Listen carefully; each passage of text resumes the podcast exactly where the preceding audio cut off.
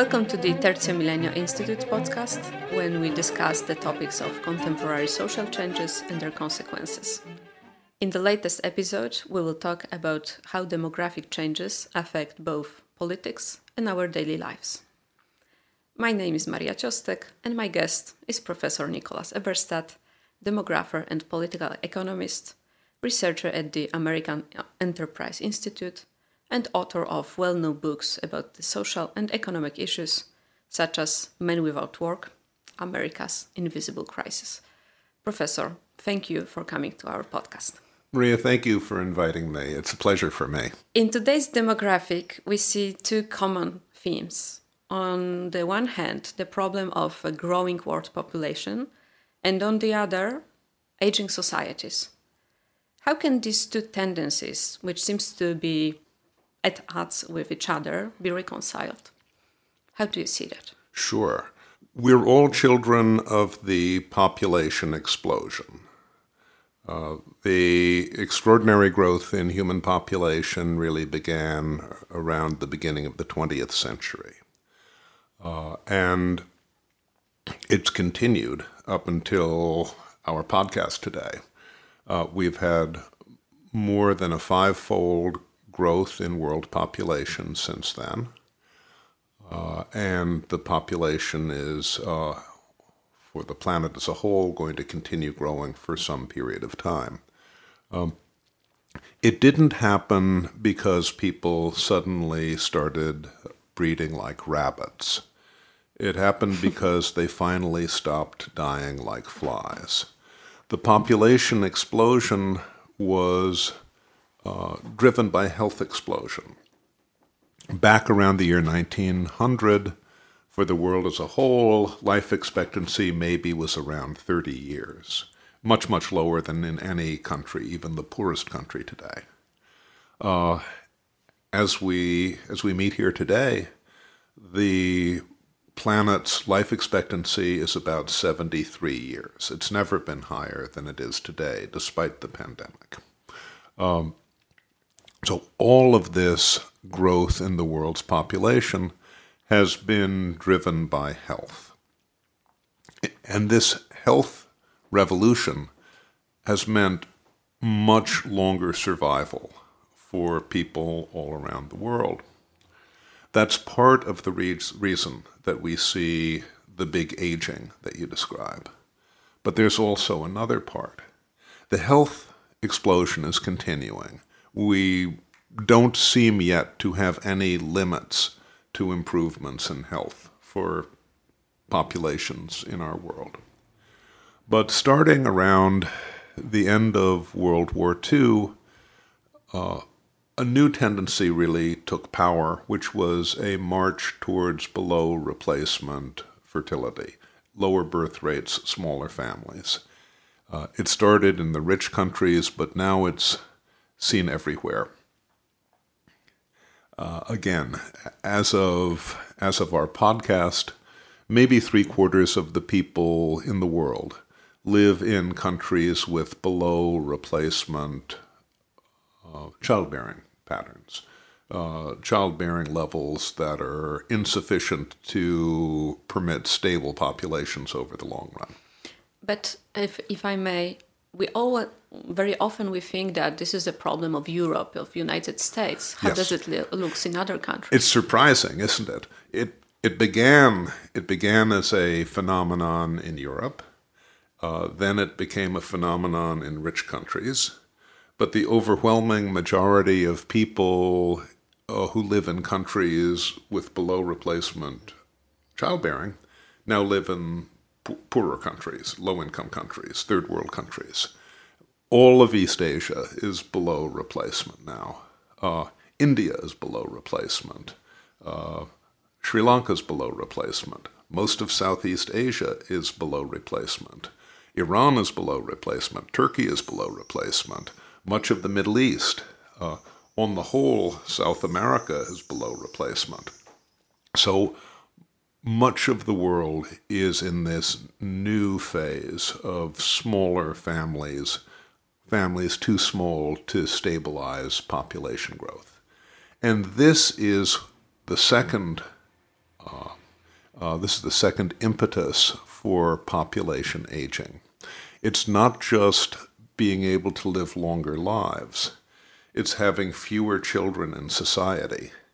Uh, when I started doing population homework 50 years ago, this was very hard for me to understand when I started uh, doing the arithmetic on population mathematics.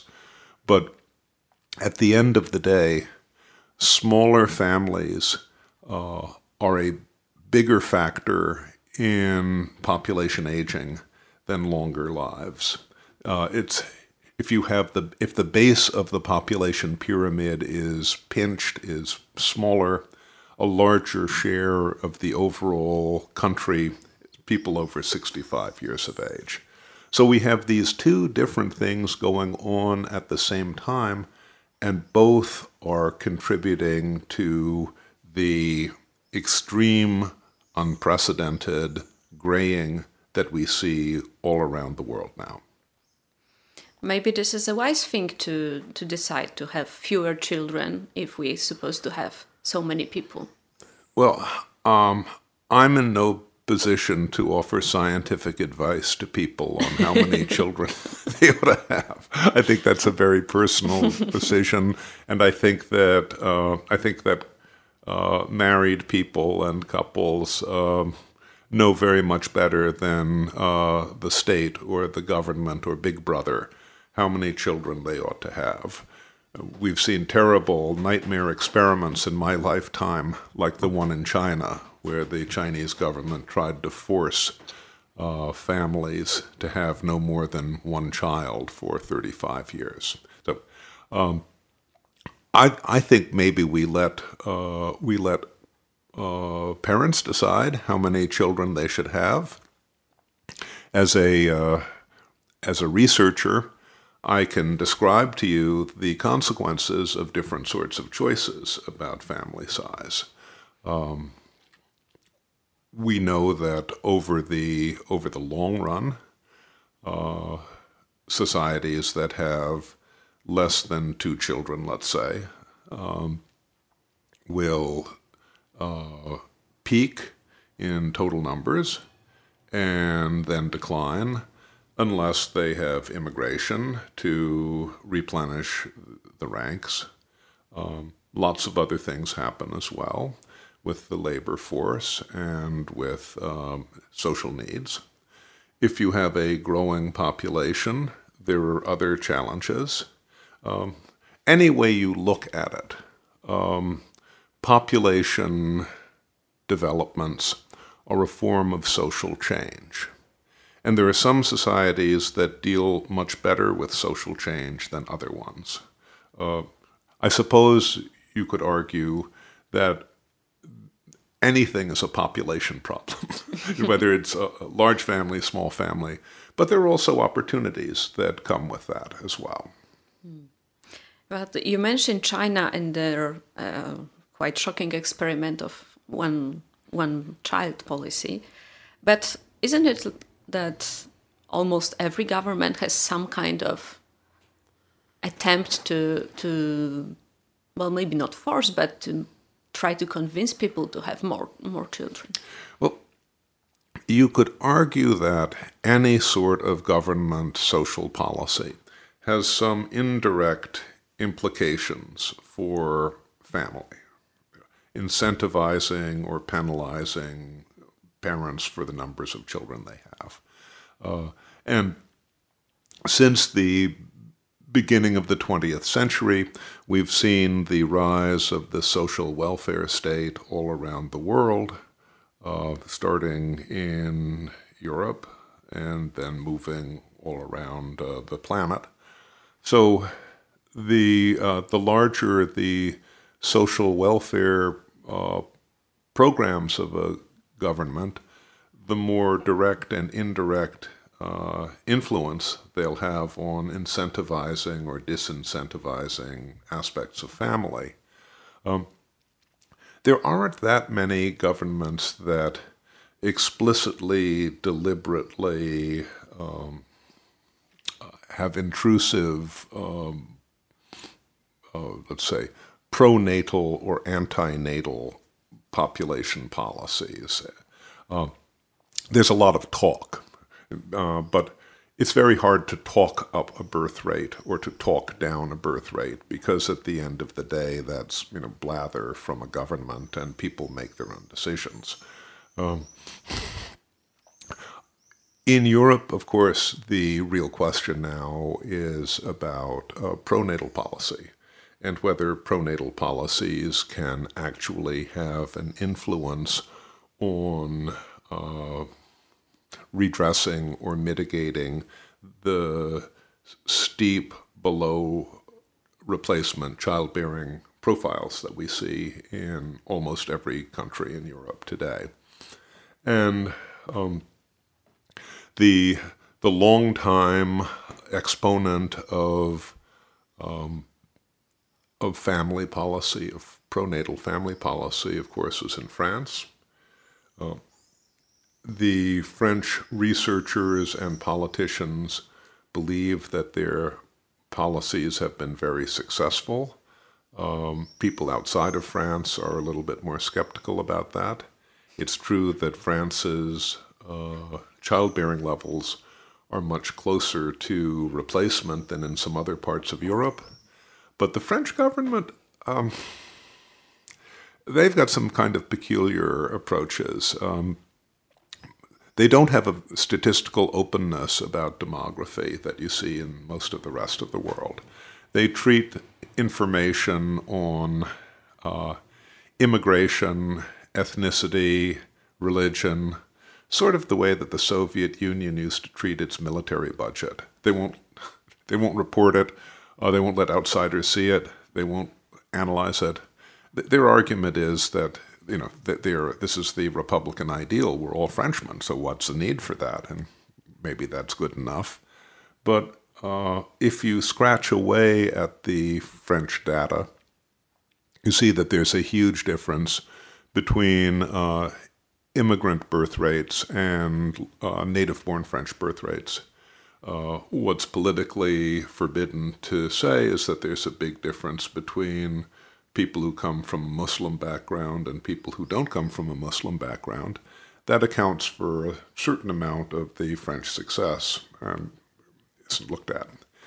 If you talk about the second uh, long-standing uh, pronatal uh, effort in Europe, that would be Sweden. Mm-hmm. The Sweden uh, developed a uh, family policy as a, a, way of dealing with poverty after uh, after World War One. Before World War I, the Swedish policy for poverty was to send poor people to the United States, and that's we've got the descendants of a lot of poor people uh, from Sweden and Minnesota and other parts of the Midwest. We've fantastic citizens who they gave us. Thank you very much. Um, but the a century and more of pronatal social policy in Sweden has led uh, demographers in Sweden to joke about what they call the Swedish roller coaster.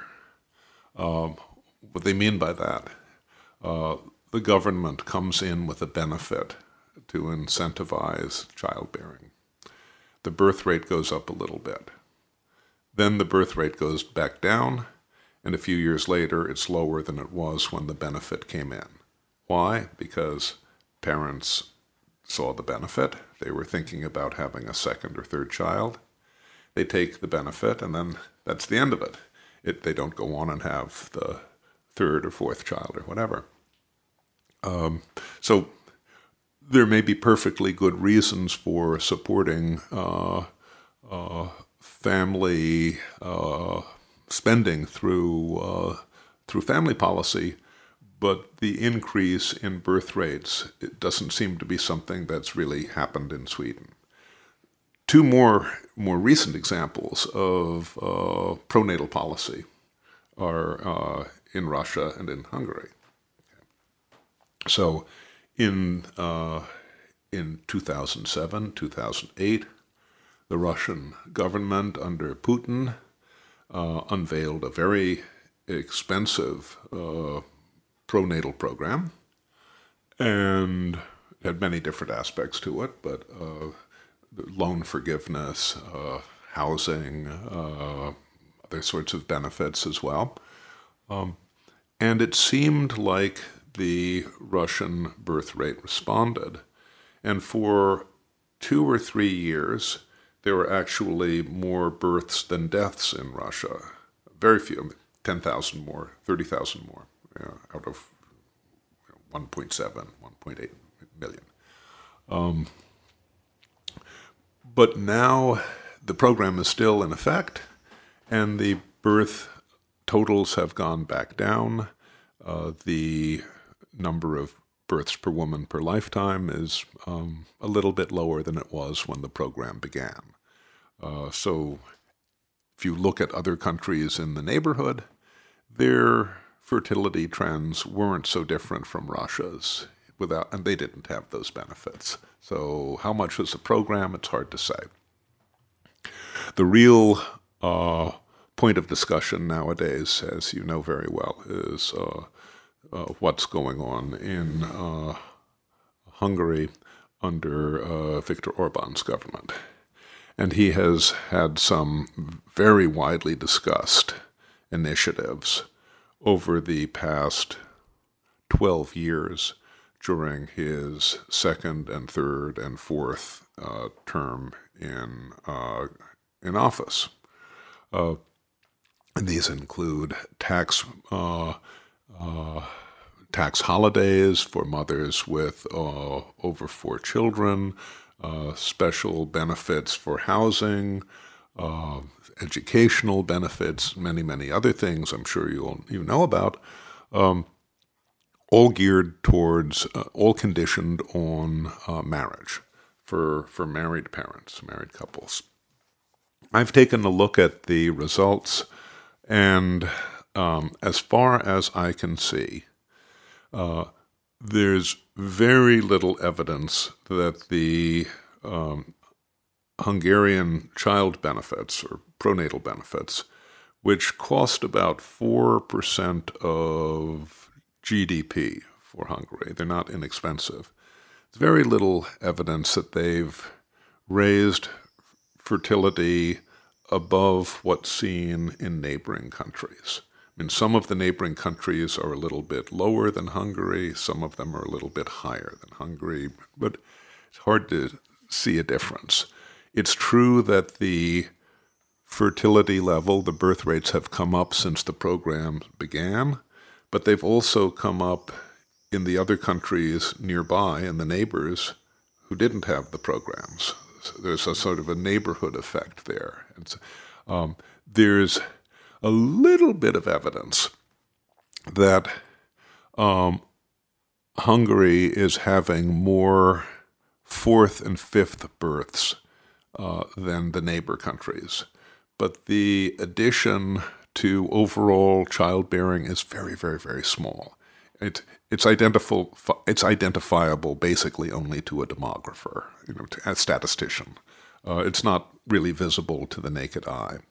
Now, there is something very interesting that is going on in Hungary uh, with these uh, benefits that are quite um, lavish and very strictly conditioned to married parents. There's been a marriage explosion in Hungary. All around Europe and all around the rich world, there has been a flight from marriage over the last two or three generations. Um, and all around the rich world, there's been an explosion of births outside of marriage, uh, out of wedlock births the overall birth rate may be going down in these countries, but the percentage who are born outside of marriage has been going up. Uh, over the last um, over the last decade, both of those trends have reversed in Hungary, um, and it's quite notable because Hungary is the most um, uh, most conspicuous exception to the flight from marriage and to the increase in births outside of marriage. It is a sort of a U turn. Now, um, I would be inclined to attribute this unusual result to the um, to the pronatal family policies uh, that Hungary has imposed. And there are people who I think might be very interested by that particular result. Uh, I mean, people who are interested in stability of marriage and people who believe that the future of the family uh, uh, is important for all of society may want to take a look at that. Um, that being said, that being said, the pro-family, pro-baby policies of Hungary have uh, have not uh, managed to change the direction of below replacement fertility in Hungary. Uh, Hungary's uh, birth rates are about 25% below replacement level, which means that each new generation would shrink on that uh, profile by about a quarter. Uh, Hungary is very strict in its border control and its immigration policy. And so the the arithmetic is that Hungary is on track for a very um, uh, a very rapid continuing decline in its overall population and a progressive aging of its society. But does it mean that the immigration is like the only choice that we have to to do something with the aging society? I think we've got a lot of choices with the aging society. That's a really good question. I mean, one of the um, one of the most important things uh, to bear in mind is that we can go beyond just uh, we can take demography beyond the headcount approach. Uh, we can think about human resources and human potential. Uh, with the extraordinary health explosion, uh, people in their 60s uh, and 70s and 80s uh, can be more active, more economically active, um, more self reliant than was possible a century ago. So, uh, people uh, people who are uh, people who are 65 years old, let's say I'm older than that, but let's say people young people who are only 65 um, in Europe are better educated and more healthy and more mobile uh, and better read uh, and more potentially productive than ever before in history. And so there's a very good argument uh, for not just Europe, but certainly in Europe, for uh, live longer, work longer. So there's a there's a possibility that people uh, people can continue to have uh, economically active and productive lives um, much longer than the old 65 and retirement uh, scheme would have said. I mean, remember that the the Social Security uh, level was established as a notional 65 back by you know by Bismarck in Prussia in uh, in the 1800s. That was a long time ago. So um, active, healthy aging and unlocking the value of health in active, healthy aging. That's certainly one thing. Um, more, sorry to, to, to yeah, yeah. Mm, disturb, but uh, of course, from economical point of view, this that makes great sense what uh, what you just said. However, I think this is very unpopular vision. For example, if we take France, we were talking mm-hmm. about it a few minutes ago, then the there, there are massive protests precisely yeah. against uh, lifting the age of the retirement. Well, I mean, some American like me can't stumble into France and tell the French people you're being very silly. You should work longer. There has to be a social consensus. It has. It, it depends very much upon a, a social consensus and a democratic uh, in, in a democratic society. What you can see, however, is that uh, all around Europe, there's been a general tendency, I'm talking about the you know, the EU as a whole, there's been a general tendency for people in their 50s and early 60s to stay with work longer. Uh, France is a bit of an exception, but if you look at Northern Europe, if you look over here in Central Europe, if you look in Southern Europe, you see uh, you see a strong tendency. And interestingly enough, uh, nowadays the proportion of people who are working in their uh, late 50s and early 60s in Europe is a little bit higher than in the United States. Mm-hmm. Things have, we've stagnated, Europe's uh, risen. So uh, every society will have its own political decisions to make about this, and they're um, ideally one comes up with a, a way in which the, everybody's a winner and there are no losers, but that's an ideal, right? So, yes. so yeah, so there's so there's the there's the possibility of unlocking the value of healthy aging. Um, there's a big need for pension reform, uh, mm-hmm. especially if you have the old model that was predicated on a pyramid that no longer exists with uh, four working people for one retiree. Um, so that's where you get into the trouble of winners and losers, and uh, and working out the change from a system built on a demographic structure that no longer exists is going to be painful everywhere. I think that this is a very, uh, very difficult subject because I, I'm wondering if this reverse pyramid, as you said, is not going to cause in, in the future very deep antagonism between the younger generation who is supposed to pay for the pension and the older one because we can see that uh, well right now it starts that the younger people feel overwhelmed with the burden of, of the system. And well now we can hear about for example uh, well, there are a few countries like canada or belgium or holland that are proposing the, uh, to ex- extend the euthanasia pro- uh, program which could be understood a little bit like getting rid of those who are not, not longer needed. And this is terrible. When we look not from economic point of view, but from the social point of view, this is a terrible, terrible result. Yeah, I mean, it's um, along with all of the other uh, uh, changes in values that have been associated with the worldwide revolution in smaller families. There's been uh, uh, a sort of a ruthless utilitarianism that's come in.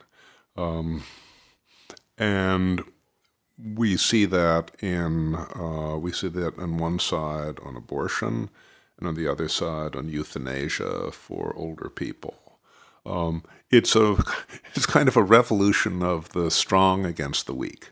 Uh, the problem is that given the life cycle, everybody starts as helpless, and everybody may end as potentially helpless, vulnerable or helpless. So, need to have a um, need to have a social code, a set of social mores that uh, that can cope with this, and we're missing that in uh, in too much of the world and in too many places in our own societies. Uh, maybe the most problematic aspect of population aging is not the taxpayer burden, but the implosion of uh, extended family, uh, of the family network that has looked after and helped with older people, uh, you know, ever since our species uh, originated.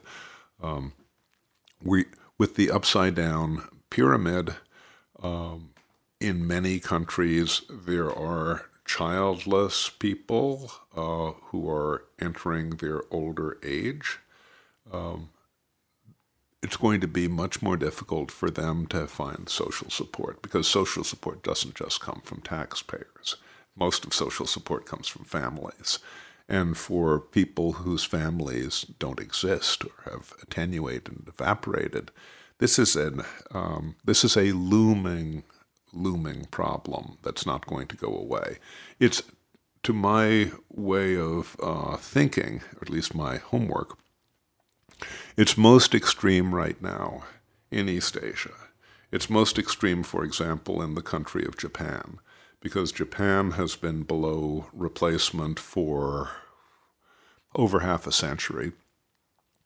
In Japan, unlike uh, many other parts of the rich world, uh, people uh, do not have children outside marriage because there's still a very strong stigma about that. It means that something like 40% of women in their 30s in uh, Japan um, are going to end up with no children, and over half of them will end up with no grandchildren, at least no biological grandchildren. So, how do, we're just a generation away from this experiment where you have a, you know, an, a tremendously gray population with very few uh, younger relatives to help. Uh, how, so how does that work? I, uh, one thing we know about uh, social programs, we've been experimenting with social programs for a century and a half. Um, they're not a very good substitute for the family.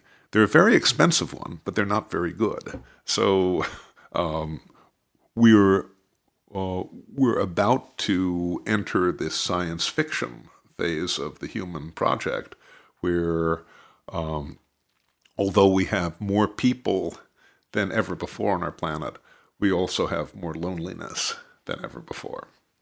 This is quite a paradox. Quite a paradox. So what what can we do? Because this is not not a great vision for our world. Well, uh, uh, so well, there are two aspects to yeah. it. Two aspects to it. Um, one is the technological aspect, and the other is the moral aspect.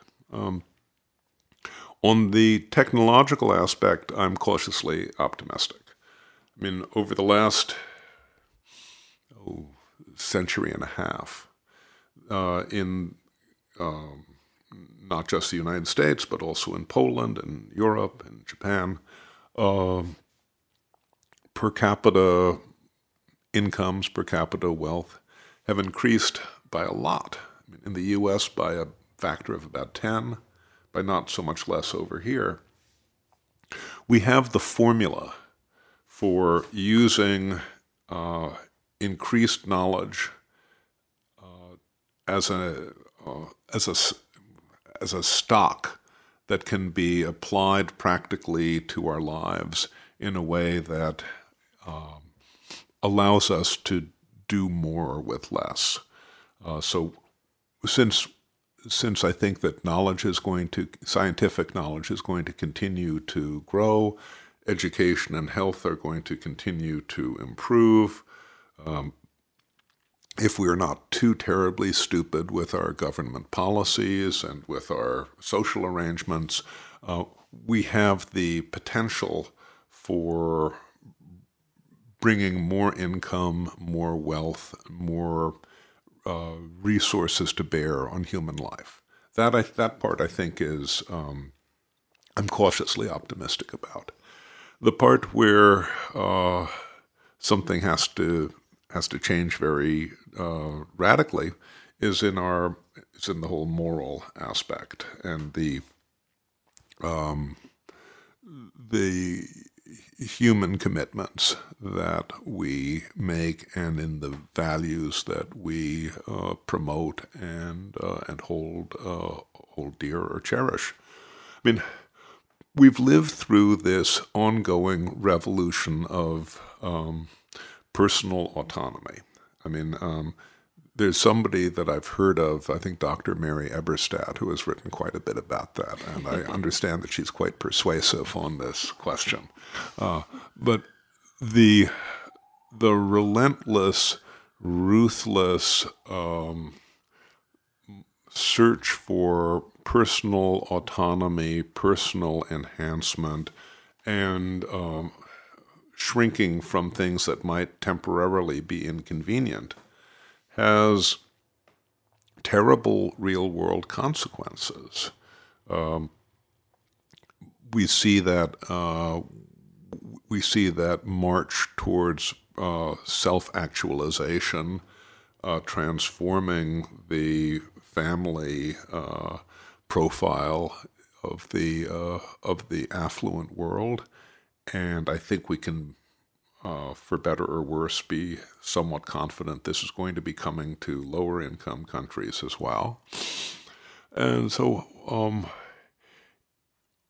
at the end of the day, it's kind of hard to imagine uh, if this revolution continues, how the world is supposed to operate as a bunch of uh, atomized, autonomous, uh, you know, uh, personal enhancement seeking uh, units uh, in, inhabiting an increasingly lonely and um, you know, metaphysically meaningless, meaningless societies. When you say about uh, meaningless and lonely people, then I think about your one of your last books, Men Without Work, which is very very interesting, but uh, also very very disturbing because you you show that there is some kind of invisible crisis now in U.S.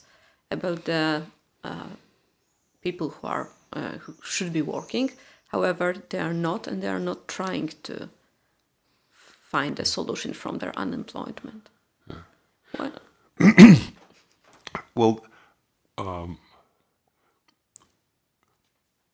we've got we've got all of these we've got all of these um, wonderful uh, data tools for looking at society and looking at economies, but that doesn't mean that problems won't manage to hide in plain sight if you don't use these spotlights uh, for a to ask the right questions.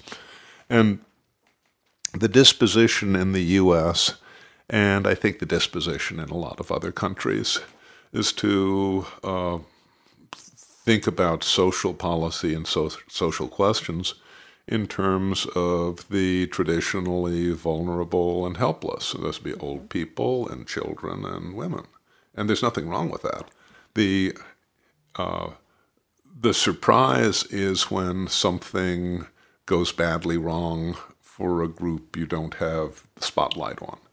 And over the last two generations in the United States, things have gone badly wrong for a um, for a disturbingly large percentage of uh, working age American men.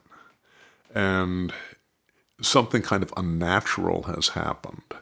I mean, working age men, the kind of one tends to think of as you know society's natural providers.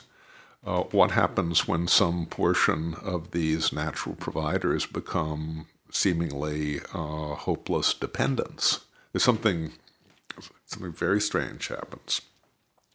Um, I tend to think this would not be possible in a society much less affluent than the United States is today. I don't think that we would have enough, I don't think that a poorer society would have the resources to finance the sort of problem that I describe in the US, where almost, um, not quite, but almost one in six uh, men between the ages of 25 and 54 uh, not bringing home a uh, bringing home a paycheck, and where there are uh, four times as many men neither working nor looking for work as actually unemployed. There's obviously a big moral element to this as well because it's a question of what are men supposed to do? What what are men for? Um, and I don't think that the answer, if we asked Aristotle, I don't think that he would have said that the purpose of men is to be uh, supported by uh, people who are smaller and weaker than them. Um, but we have this uh, we have this situation that um, has been was strangely ignored for decades in the United States, and it could be ignored for decades in the United States because the uh, troubled men, that I'm describing in some of this homework um, were not out uh, burning cars or um, creating crime or menacing people. They were living, uh, I think, uh, by and large, quietly and often in, despair at home, uh, disconnected from work, uh, somewhat likely to be disconnected from uh, family, uh, disconnected from religion, disconnected from their own communities. And that's where you get back to that funny little Greek fellow, Aristotle. I mean, he said that we're um, he said that we're uh, uh, social creatures as human beings. And when you're not connected to society in those sorts of ways, I think people suffer very badly. Oh, that's that's very clear. But if you're saying that they are not uh, in the society, so I understand they do not do I don't know volunteer work or uh, family time. Mm-hmm. If they're lonely, what do they do all day long, especially for many years? Well, in in the USA, I mean, I can I think the USA may be in a you know a special situation. I don't think I could generalize about other places, but in the USA, we have these so-called time use surveys that our uh, Labor Department um, puts out, where they ask thousands and thousands of people um, from the time you wake up until the time you go to sleep, what do you do all day? You know, just tell us what you do all day long. And even how long do you sleep? And if we look at those reports, the men who are neither working nor looking for work who are in this prime of uh, labor force life, 25 to 54, um, they paint a very um, troubling picture of their situation. Uh, now, everybody, everybody who answers surveys may lie a little bit, but I don't think that this is a completely falsified view that they show. Um, they report, as you indicated, that they don't really do much worship or much volunteering or much charitable. They've got a lot of time, but they don't do help around the house. They've uh, they don't do much help with people in the house. What they say that they do is watch screens. The reports are too limited to tell us what they're watching, how they're watching. But sometimes up to 2,000 hours a year. Uh, I mean, it's almost like a full time job. The full time job is watching screens. Um, needless to say, that's not the sort of training that is going to get you back into the workforce.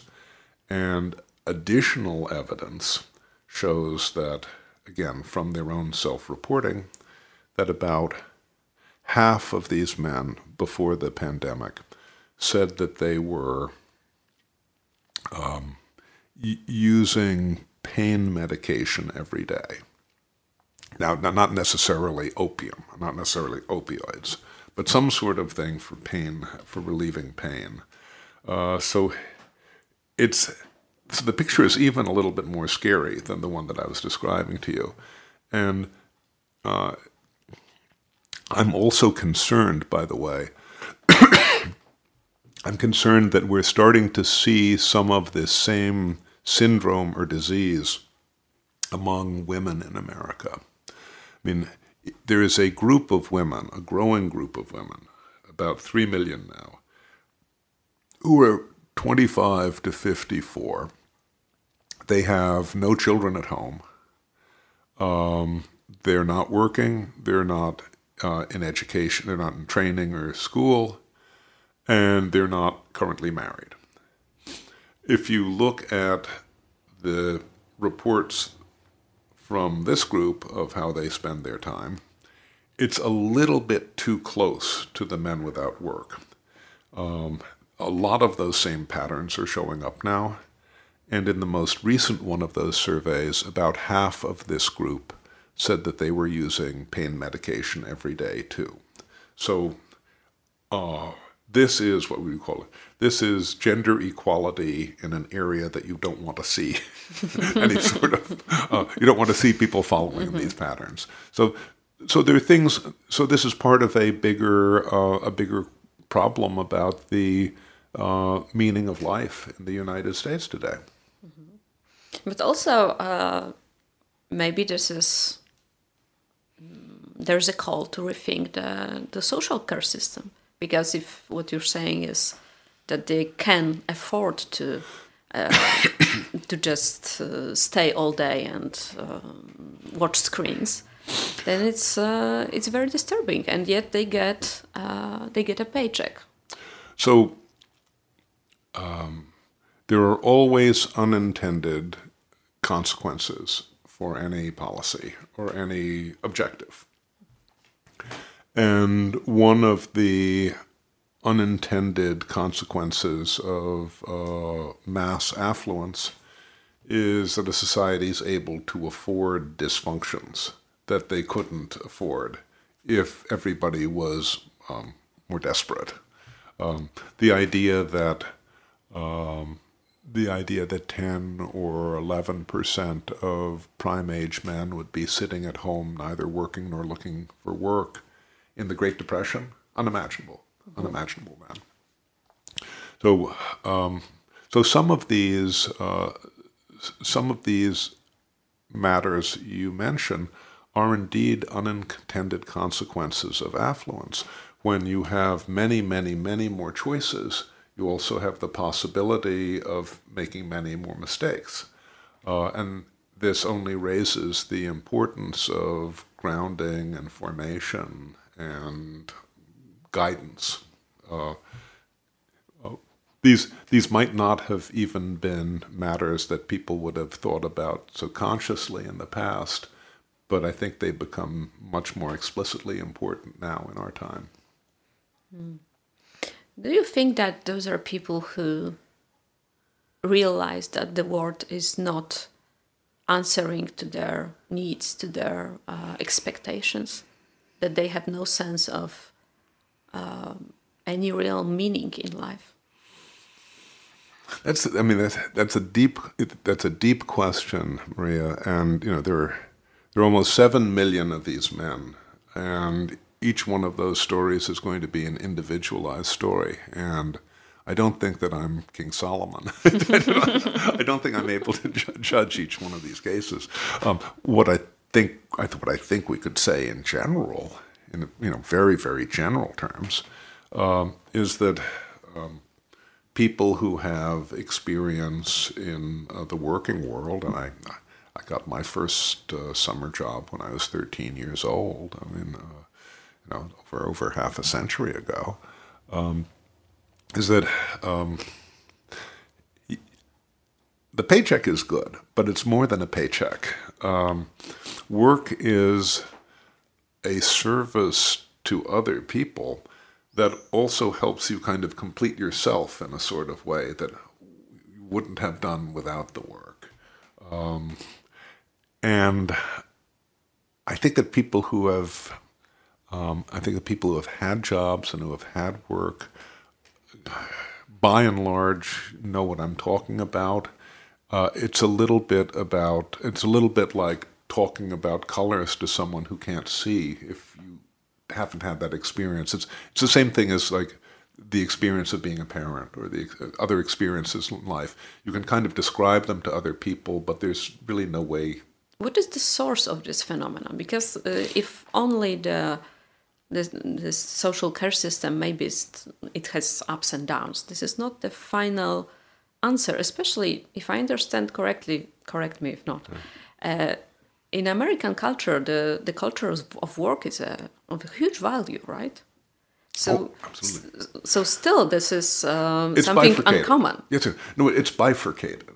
It's a, uh, it's, it's a, it's two different things in the same society. I mean, if you take a look at people in the United States who have jobs, they work more hours on average than I think any other rich country.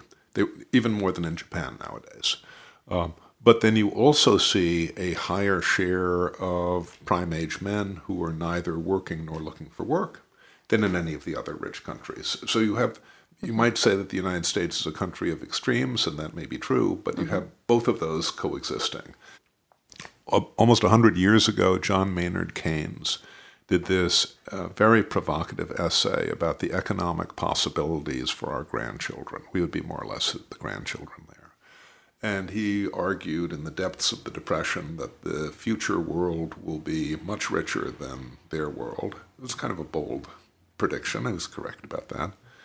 He said that the real challenge for these grandchildren of the future would be the um, filling up the free time because people would only need to work 10 hours a week or whatever.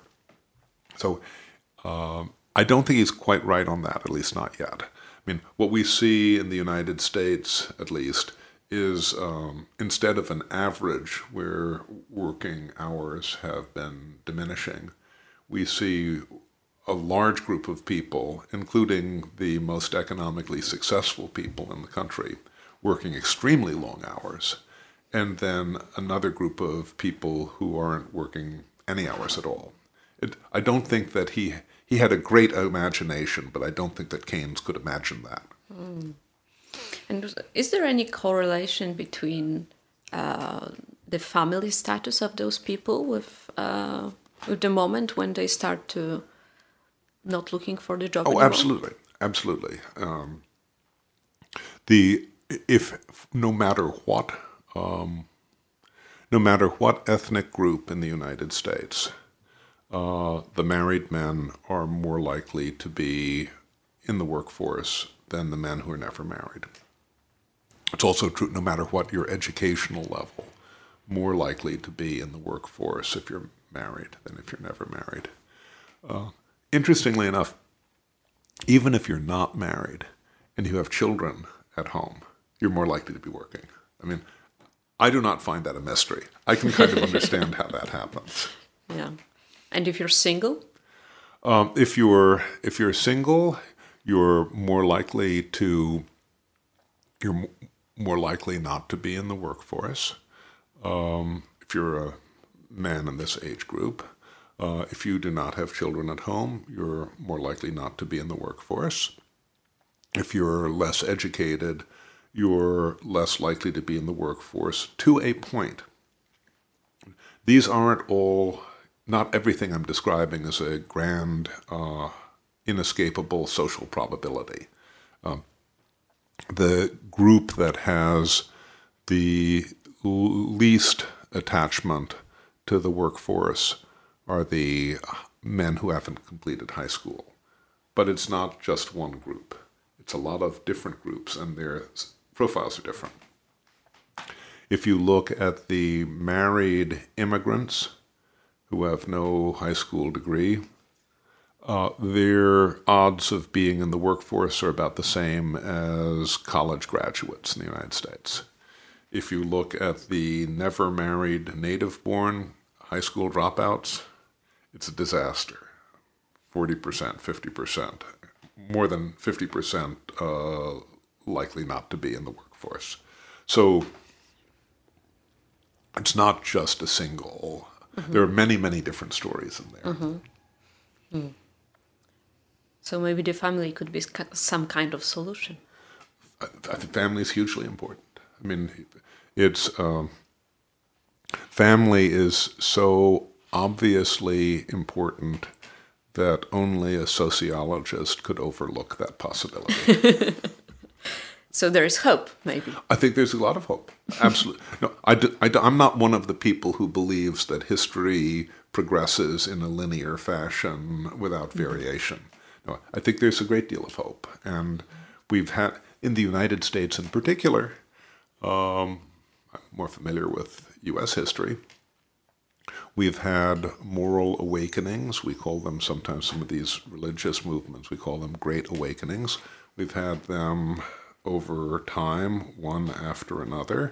But I think that a moral uh, a moral revival of one sort or another could make an enormous difference here.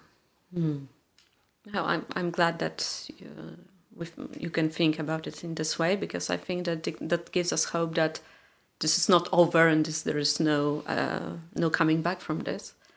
And I think it's a very, very interesting uh, subject, and we'll have to keep our eye on it.